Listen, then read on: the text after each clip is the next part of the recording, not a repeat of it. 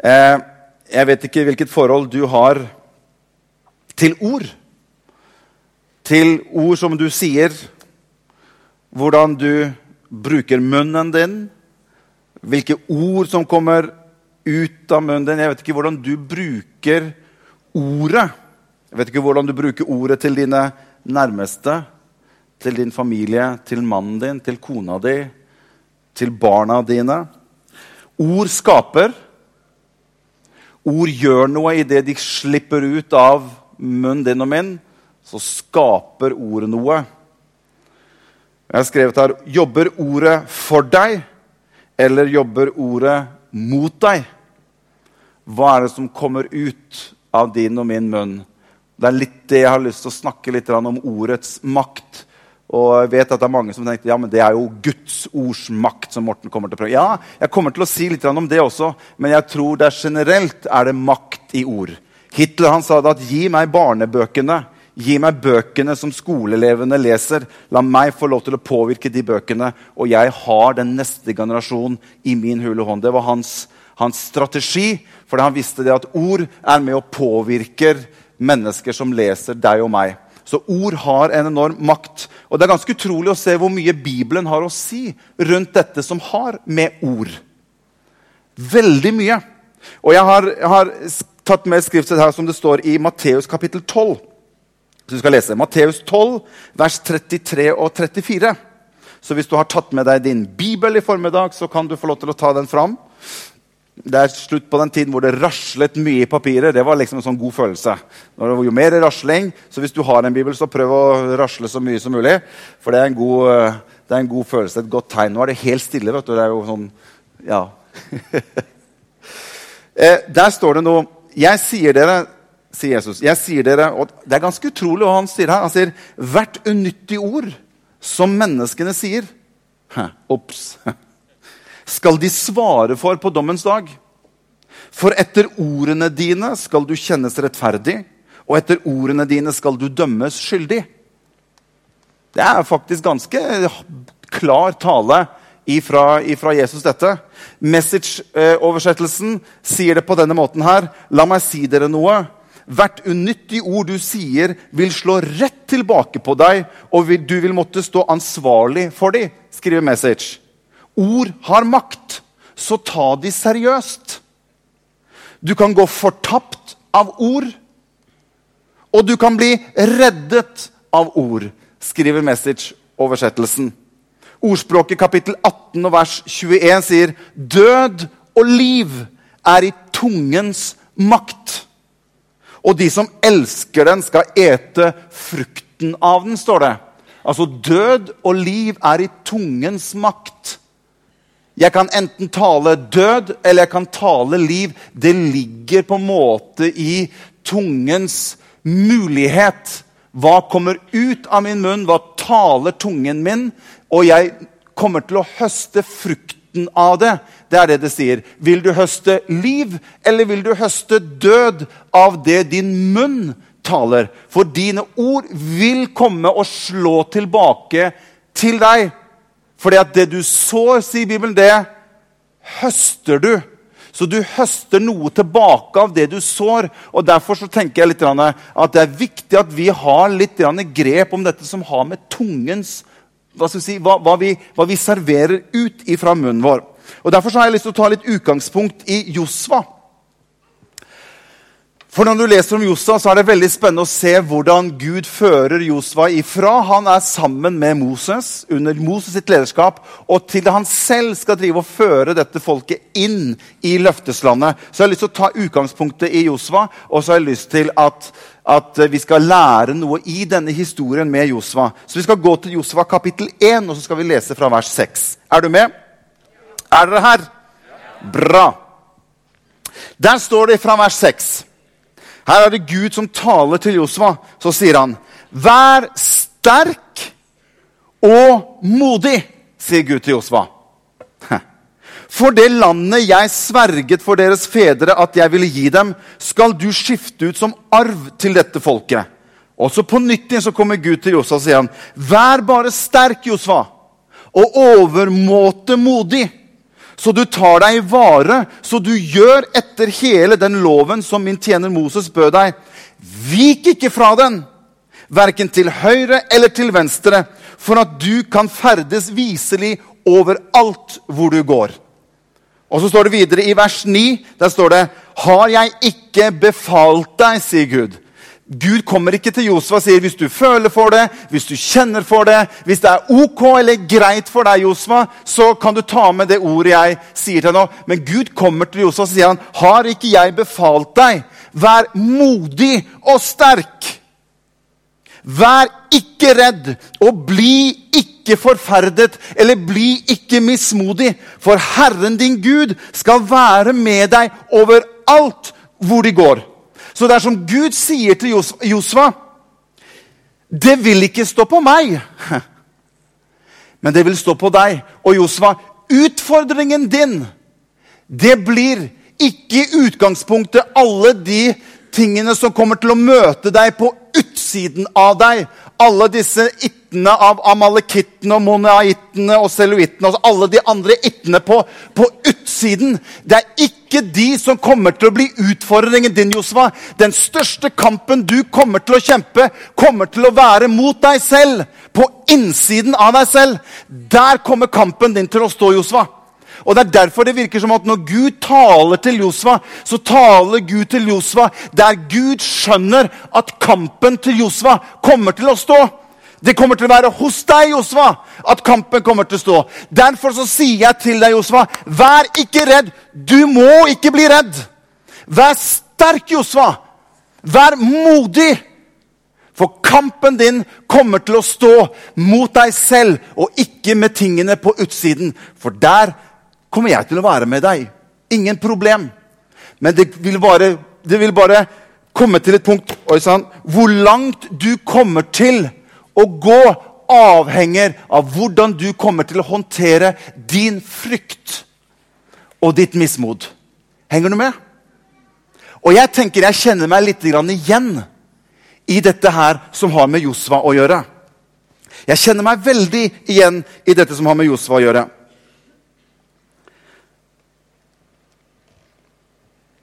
Gud sier på en måte til Josva at selv om du kommer til å For jeg, jeg tenker liksom sånn Jeg føler kanskje litt sympati med Josva også, på en måte. fordi at det er, redd, det er, lett for deg, Gud, på en måte å si at jeg ikke skal være redd.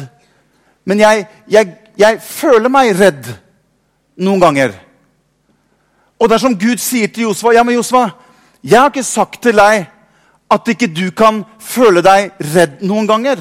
Jeg har ikke sagt til deg at ikke du kan føle deg mismodig noen ganger, men det er stor forskjell på å bli eid og styrt av frykten og eid og styrt av mismodighet. Selv om du kjenner på frykt, Josva, så ikke la frykten få lov til å eie deg og styre deg. Det er stor forskjell på det. For vi vil alle opp oppleve som menneske. For det er, noe bare, det er bare noe av latent i naturen vår at vi kjenner at frykt eller mismodighet At disse tingene kan komme inn og krype seg inn hos oss. Men det er stor forskjell på å kjenne på det og la det kontrollere og styre livet vårt. Og det er jo det Gud prøver å få Josefa til å forstå. Vær sterk og modig. Frykt ikke, Josfa. Amen. Og det er der jeg tenker at du og jeg, når Gud ønsker å lede oss inn i ting i livet vårt, så opplever jeg, i hvert fall i mitt eget liv, at kampen mange ganger står ikke på utsiden, men kampen blir på innsiden i meg selv. For jeg kjenner at frykten kommer, jeg kjenner at mismodet kommer, og jeg begynner å tape kampen som står med meg selv. Og Noen ganger så virker det sånn at det er lettere å få mennesker ut av noe enn å få mennesker inn i noe. For Gud hadde ledet Israels folk ut av Egypten. Det gikk for så vidt For så vidt er det det gikk for, altså De kom seg ut, da.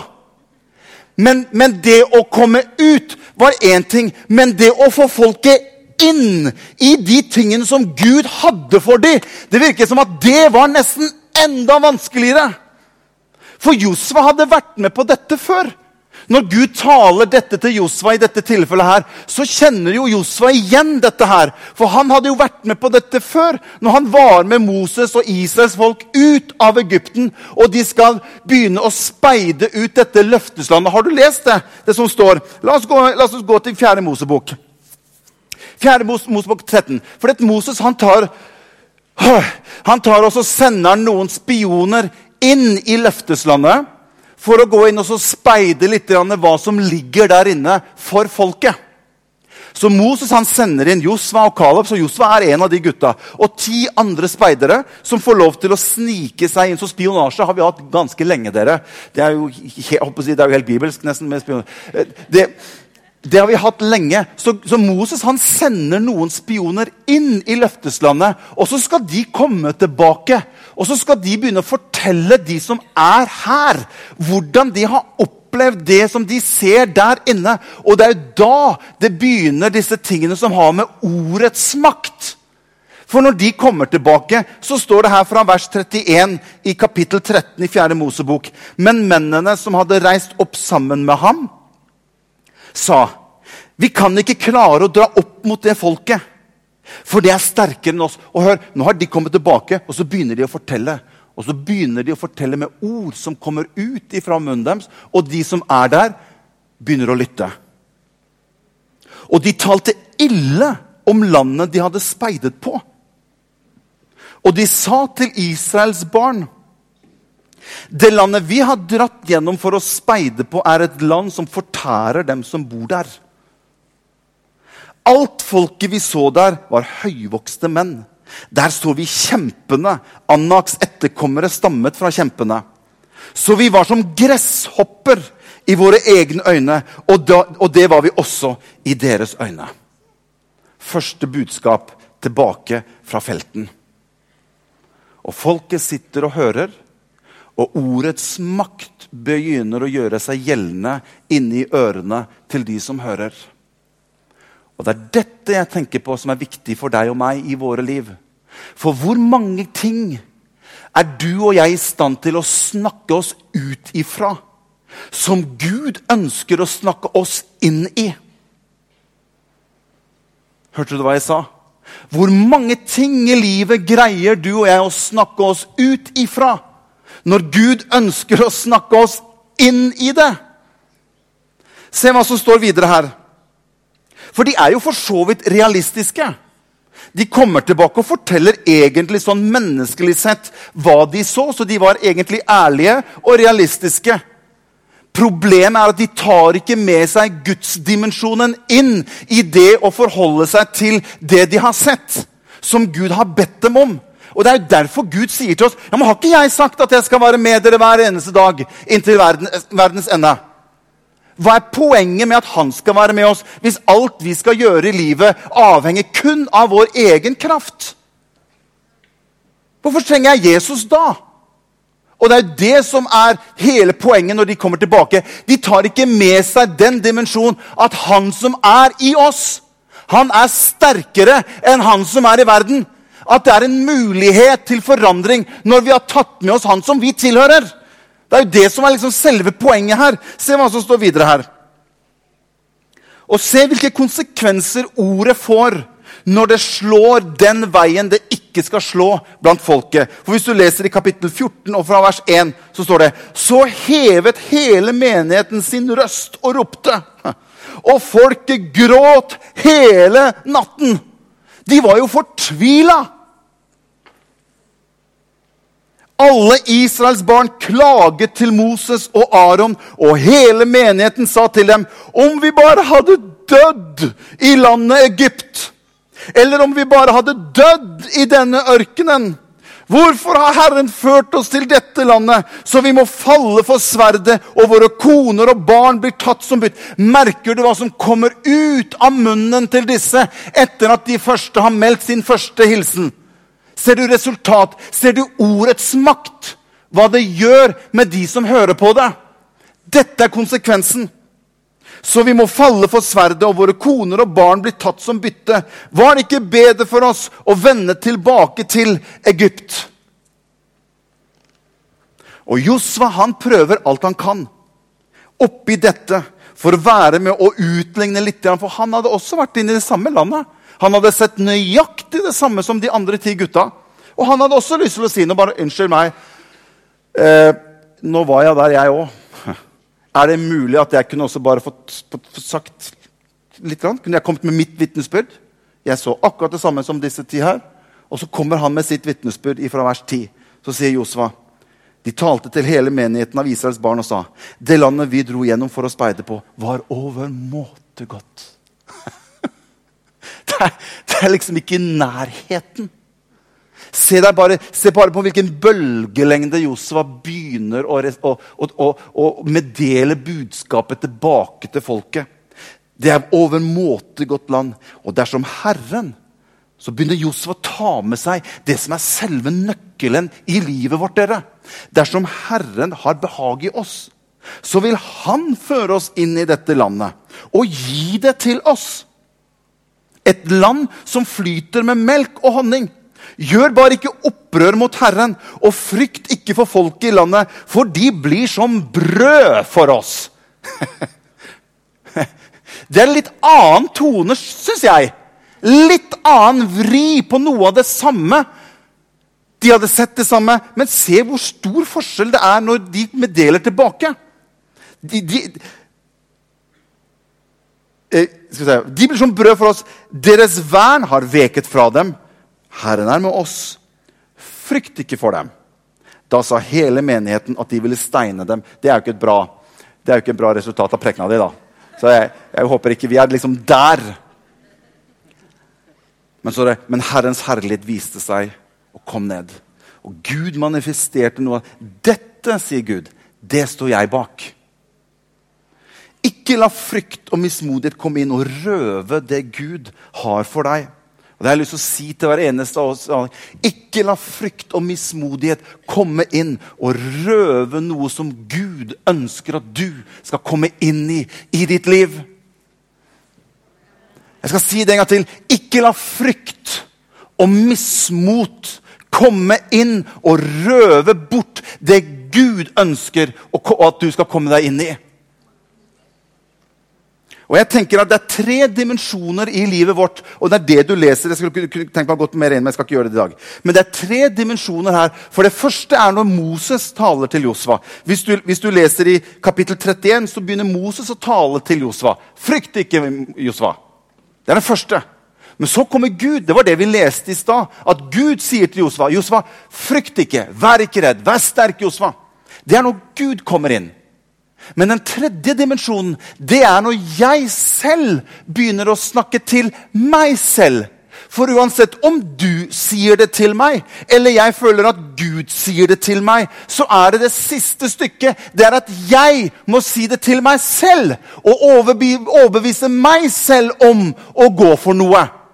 For det hjelper ikke faktisk om du sier det til meg, eller faktisk om Gud sier det til meg. Jeg er faktisk nødt til å si til meg selv og overbevise meg selv at Morten, dette går vi for. Dette klarer du, Morten. Det er da jeg begynner å komme inn i det Gud har for meg. Henger du med? Og jeg har kalt det for selvoppmuntringens hemmelighet. Den er ikke dum. Selvoppmuntringens hemmelighet. Du skjønner, Det er én dimensjon når vi oppmuntrer hverandre, og det skal vi gjøre.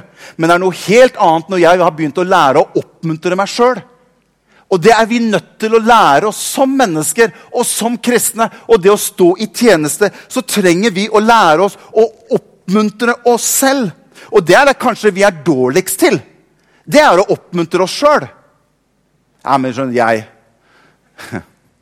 Nei, du vet at jeg eh, å, hvor mange unnskyldninger vi har overfor oss sjøl. Sånn, 'Jeg er ikke sånn, jeg får det ikke til, jeg, jeg, er ikke satt sammen sånn, jeg er ikke skrudd sammen sånn.' 'Det er ikke min personlighet, det er ikke jeg.' Vi har så enormt mange forskjellige grunner til å snakke oss selv bort ifra ting i livet vårt. Og det får sine konsekvenser. Jeg snakker mye med meg sjøl. Jeg er nødt til å snakke med meg sjøl. Er, er, det noen andre her som kan vedse at de snakker med seg sjøl litt av og til? Ja, ja, det er bra. Jeg mener, jeg, jeg må jo Vet du, vi, vi, vi, har jo skapt et litt, vi har jo skapt et type samfunn som er veldig sånn følelsesmessig basert. at hvis ikke du føler for det, så skal du ikke gjøre det. Hvis ikke du kjenner for det og føler det, så skal du, skal du, skal du droppe det. Jeg kjenner for meg sjøl at jeg kan ikke leve etter det prinsippet. For hvis jeg bare skulle gjort det jeg føler for Altså, Hvis ikke du føler for det, så ikke gjør det. Det, det er for enkel filosofi for meg. Og jeg tror ikke det fungerer. Hvis jeg skulle bare ha preka til dere de søndagene jeg følte for å preke, så er det ikke sikkert at det hadde vært her så mange søndager. Men jeg er nødt til å oppmuntre meg selv med det Gud har kalt meg til. Morten, det er her mennesker som trenger å høre mitt ord. Morten, kom igjen. Vær med inspirasjon for noen andre. Jeg har kalt deg til dette, og jeg må oppmuntre oppmuntre meg selv til å gjøre. Hvis jeg bare skulle gått på jobben de dagene jeg føler for å gå på jobben Hvor mange er det som hadde gått alle dagene i uka da? Eller føler for å gå på skolen? Eller føler for å skifte bleie på ungene? Bare for å ta den. Det er ikke alt du kan føle for å gjøre. Noen ting må vi bare gjøre. Og jeg tror at det å oppmuntre seg selv er noe du og jeg trenger å lære i livet vårt. Og særlig opp imot det å være i tjeneste for Gud. Vi er nødt til å oppmuntre oss selv. Jeg kan ikke være avhengig av at Rikard kommer og klapper meg på skulderen og sier 'Kjør på, Morten'. Rikard er kjempeflink til det, og det er fantastisk. Men jeg er faktisk nødt til å lære meg det selv. Og oppmuntre meg selv for å ta det neste steget. For det er bare Josva selv som kan gjøre det Gud har kalt han til. Og Det er derfor Gud er så på Josva. Josva, ikke la frykten ta deg. Ikke la mismotet ta deg, for da mister du det som jeg ønsker at du skal gjøre. Vær sterk, sier Gud til Josfa. Jeg er med deg. Og det er den delen jeg er nødt til å tale til meg selv. Og så er jeg nødt til å begynne i tro på at han er med. Så må jeg begynne å gå. Selv om jeg ikke alltid føler for det, så tar jeg et steg. For jeg vet at han har sagt at han skal være med meg. Og da begynner hans kraft å virke i det jeg tror Gud ønsker at jeg skal gjøre for ham. Er dere med her? Dette her er jo veldig, veldig bra. Jeg vet ikke jeg vet ikke om noen av dere pleier å se på Lindmo. Lindmo syns jeg har fine programmer. Og Mapendo og familien var jo på Lindmo her for noen, noen eh, Er det søndager de går på? En uke siden. Jeg vil anbefale dere å gå inn på NRK og se Lindmo-programmet med hele familien Mapendo. De hadde, det var kjempebra. Ja, Det er jo en av brødrene til Mapendo som har fått en fantastisk bra kontrakt med, med Warner. Eller, eh, ja, og, og, gjør det kjempebra. Og Hele den familien er i studio, og de synger. og det er, det, er, det, er, det er, veldig bra. Det må dere få med dere. Men når jeg kikket på det programmet, så var det en annen gjest der. En som var professor og hypokonderekspert. bare se rett fram. Ikke vær så opptatt med damen. Nå, nå bare ser du rett fram. Ja. Han heter Ingvar Wilhelmsen. og han, skjønner, han, sa noe bra i det programmet. Jeg bare kjente dette, dette her, dette treffer rett inn i prekena mi. For han sa for noe? Det vi kan ha kontroll på i livet, er egne holdninger og handlinger. sa han. Skal du ha et godt liv, kan du ikke alltid stole på dine følelser og dine tanker. sa han. Du kan ikke alltid lytte til kroppen. Så nevnte han ting som f.eks. sjalusi. Hvis du går rundt og er sjalu, ja, er du sikker på at det er en, en, en, legitim følelse? Eller er det bare noe som du lager en følelse ut av selv? Angst for at det skal skje noe, og det er ikke en fare på mils omkrets. Men følelsen er der for det. Og så sa han følelser det her synes jeg er bra, følelser sladrer kun om hvordan vi har fortolket virkeligheten. sa han.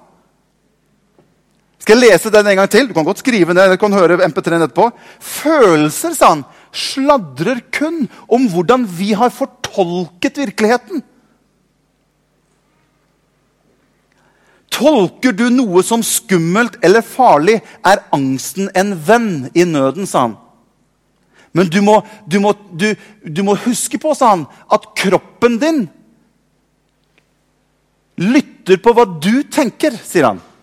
Så den vil agere. Det er ikke sånn at kroppen sier nei, men jeg opplever at det ikke er noe fare her. Så bare slapp av. Kroppen din sier ikke det til deg.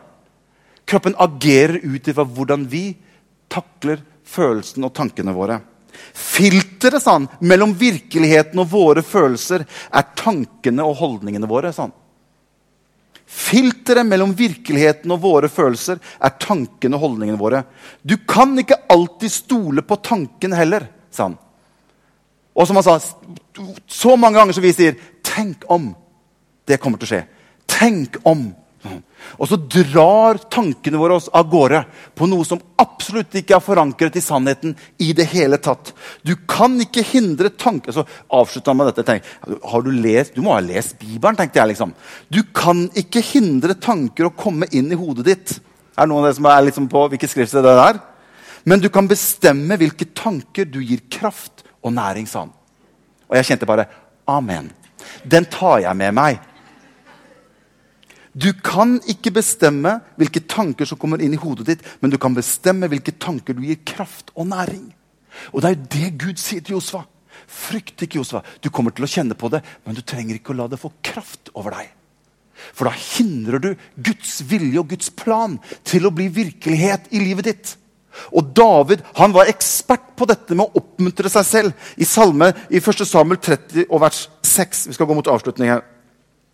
Er det med litt til? Nå er det så lenge jeg har preka for det, så nå er, jeg prekesjuk. Skal vi se Første, eh, eh, Samuel 30 og vers 6. Eh, dere som er musikere og sangere, kan få bare komme opp, og, komme opp, så skal vi synge litt etterpå. Det står ifra vers 6 i 1. Samuels bok, kapittel, eh, vers 6. David kom nå i stor trengsel, for folket snakket om å steine han. For alt folket ble bitre i sjelen, hver mann pga. sine sønner og sine døtre. Og så står det noe fantastisk. Det står, Men David oppmuntret seg selv i Herren. Noen ganger så vil ikke du og jeg få den oppmuntring kanskje vi trenger fra omgivelsene våre. Men noen ganger er du og jeg nødt til å lære oss til å oppmuntre meg selv. Og Gud er med når du begynner å oppmuntre deg selv og si noe til deg selv. For du og flinke vi er til å ikke oppmuntre oss selv. Du hvor flink vi er til å la tanker få lov til å komme ut av munnen. Det er sikkert ingen som liker meg. Det er sikkert ingen som, som, som syns noe om meg. Sikkert, altså, og så lar vi alle disse ordene, og ørene våre hører. Og til slutt så tar vi det som en sannhet til slutt. Og det trenger ikke å være sant. Vi må lære oss å oppmuntre oss selv. Se hva salmisten David skriver i Salme 42. Han sier, 'Dag og natt har mine tårer vært min mat.' Mens de sier til meg hele dagen, 'Hvor er din Gud?' Dette er David som sier. Når jeg minnes alt dette, utøser jeg min sjel i meg, for jeg pleide å gå sammen med høytidsgarden. Jeg gikk sammen med dem til Guds hus med jubelrop og lovsang. Med en festforsamling som holdt pilegrimshøytid. Og så sier David noe. Han snakker til seg selv. David. Så sier han, 'Hvorfor er du så nedslått, min sjel?' Han snakker til seg selv om en sinnsstemning han opplever i nuet. Og David sier, 'Hvorfor er du så nedslått, min sjel?' Og hvorfor sukker du i meg? Og så snur David på det så sier han, 'Sett ditt håp til Gud, David'.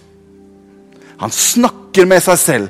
David, Morten, sett ditt håp til Gud. Morten, du har en med deg som er større enn dine omgivelser. Morten, du har en med deg som er sterkere enn dine omgivelser og dine følelser. Sett din lit og ditt håp til Gud. For jeg skal ennå prise ham, sier David, for hans åsyns frelse. Jeg lar ikke omgivelsene alltid bare styre mine følelser og hvordan jeg opplever og tenker og kjenner det. Men jeg ønsker å sette min lit til han, og jeg vil fortsatt prise han og tilbe han for hvem han er. Amen. Og du kan få lov til å reise deg opp. Og så skal vi få lov til å være med og være inn, fortsatt med inn i Guds nærhet. La Guds ord få lov til å være på dine lepper. La Guds ord få lov til å være det som kommer ut av din munn. For det som Gud sier til Josva, det er at han sier at La ikke lovboken vike ifra din munn, sier Gud til Josva. Ta med mitt ord i ditt liv. Og hvis du lar mitt ord få lov til å også kunne komme over din munn, så skal du få lov til å se at det skjer noe når dine ører begynner å høre mitt ord. Da skjer det noe i atmosfæren. Dine ører begynner å høre hva Josva sa om landet han hadde vært inne i. Og Josva står nå i en situasjon hvor han skal lede folket inn. Og denne gangen så går de inn og inntar Jeriko. Og når de gikk rundt muren, har du lagt merke til hva som ble gjort? Hva var det de ikke fikk lov til når de gikk rundt muren? De fikk ikke lov til å snakke til hverandre. Dette tror jeg ikke går. Nei. Nå har vi gått rundt her ti ganger. Dette går ikke. Dette her blir jo bare dumt. Tenk deg den samtalen som hadde vært med et, et, et folk som går rundt en mur om igjen og om igjen. For det første så ser det dumt ut. Men de fikk ikke lov til å prate. Og når han blåser i basunen, så griper Gud inn, og hele muren bare raser ned. Og det Gud hadde ønsket å tale dem inn i, ble en virkelighet for deres liv. Og Jesus han sier til sine disipler han sier, 'Fred etterlater jeg dere. Min fred gir jeg dere. Ikke som verden gir.' La ikke deres hjerter forferdes. Han sier, 'Jeg har gitt deg min fred'. Skjønner du, Når Gud har talt til deg om noe, så har han talt til deg om noe. Det er du selv som må forvalte det i etterkant i livet ditt. Gud sier, 'Jeg har gitt deg fred'. Men jeg opplever ikke fred. Men jeg har gitt deg fred. Bare ikke la ditt hjerte forferdes, sier han. Men grip rundt den freden som jeg har gitt deg. Halleluja. Kan vi ikke lukke våre øyne, alle sammen? Så står vi litt i Guds nærhet. Jesus er her. Halleluja. Halleluja. Vi kan bare fortsette å ha litt lys på i, i salen. Det går bra. Jesus, jeg priser deg. Gud har talt til deg om noe. Men å stå på utsiden av et løfte og se inn i løftet er ikke det Gud har som plan for ditt liv. Når Gud har talt til deg om noe, så ønsker han å føre deg inn i det han har talt til deg om. Men kampen kommer ikke til å stå på utsiden, men kampen kommer til å stå på innsiden hos deg og meg. Men Gud har talt til deg, og jeg vet at Gud har talt til mennesker her i forsamlingen her. Om ting. Det kan være i jobbsammenheng, det kan være i hverdagen din. Det kan være mange forskjellige ting. Gud har talt til deg. Men noen ganger så går du rundt og venter på at nå håper jeg at det er noen andre som kommer og oppmuntrer meg til det Gud har talt til meg om. Men hør, det er ikke sikkert Gud kommer til å gjøre det. Han har talt til deg. Gud talte bare denne gangen til Josfa. Etterpå måtte Josfa ta tak i det som var utfordringen hans. Ikke mist motet, Josfa. Ikke bli fryktsom. Gjør det som jeg har sagt til deg at du skal gjøre. Og begynn å gå. Så Mens vi står i Guds nærhet, så har jeg lyst til å bare spørre Hvis du opplever i ditt hjerte at Gud har talt til deg om ting i livet ditt Du kjenner at fortsatt så står jeg på en måte på utsiden og, og, og, og skuer noe som jeg opplever at jeg ikke har kommet inn i. Hvis du opplever at det er deg, så har jeg lyst til at du skal bare få lov til å løfte opp en hånd, så jeg ser den. Det er flere mange hender her. Mange hender her. Mange hender her. Å, Jesus. Vi skal ta litt tid her i formiddag. For det som Gud har talt til deg om, det er ditt i Jesu navn. Det tilhører deg. Det er et løfte til deg. Og han har makt til å gjennomføre det. Men vi blir grepet av frykt og mismodighet. Halleluja. Vi synger litt her, og så har jeg lyst til at du som løftet opp din hånd, og flere med, jeg har lyst til å være med og be for deg. Jeg har lyst til å legge mine hender på deg og være med og be for deg. Frykten skal ikke ta deg. Mismodighet skal ikke ta deg. Men du må begynne å oppmuntre deg selv litt. Du må begynne å oppmuntre deg selv litt. Halleluja. La oss synge litt, og så kommer du i Jesu navn. Så vi, møtes vi her framme. Og så er vi med og så ber vi litt for og med hverandre. Skal vi gjøre det? Vi synger litt.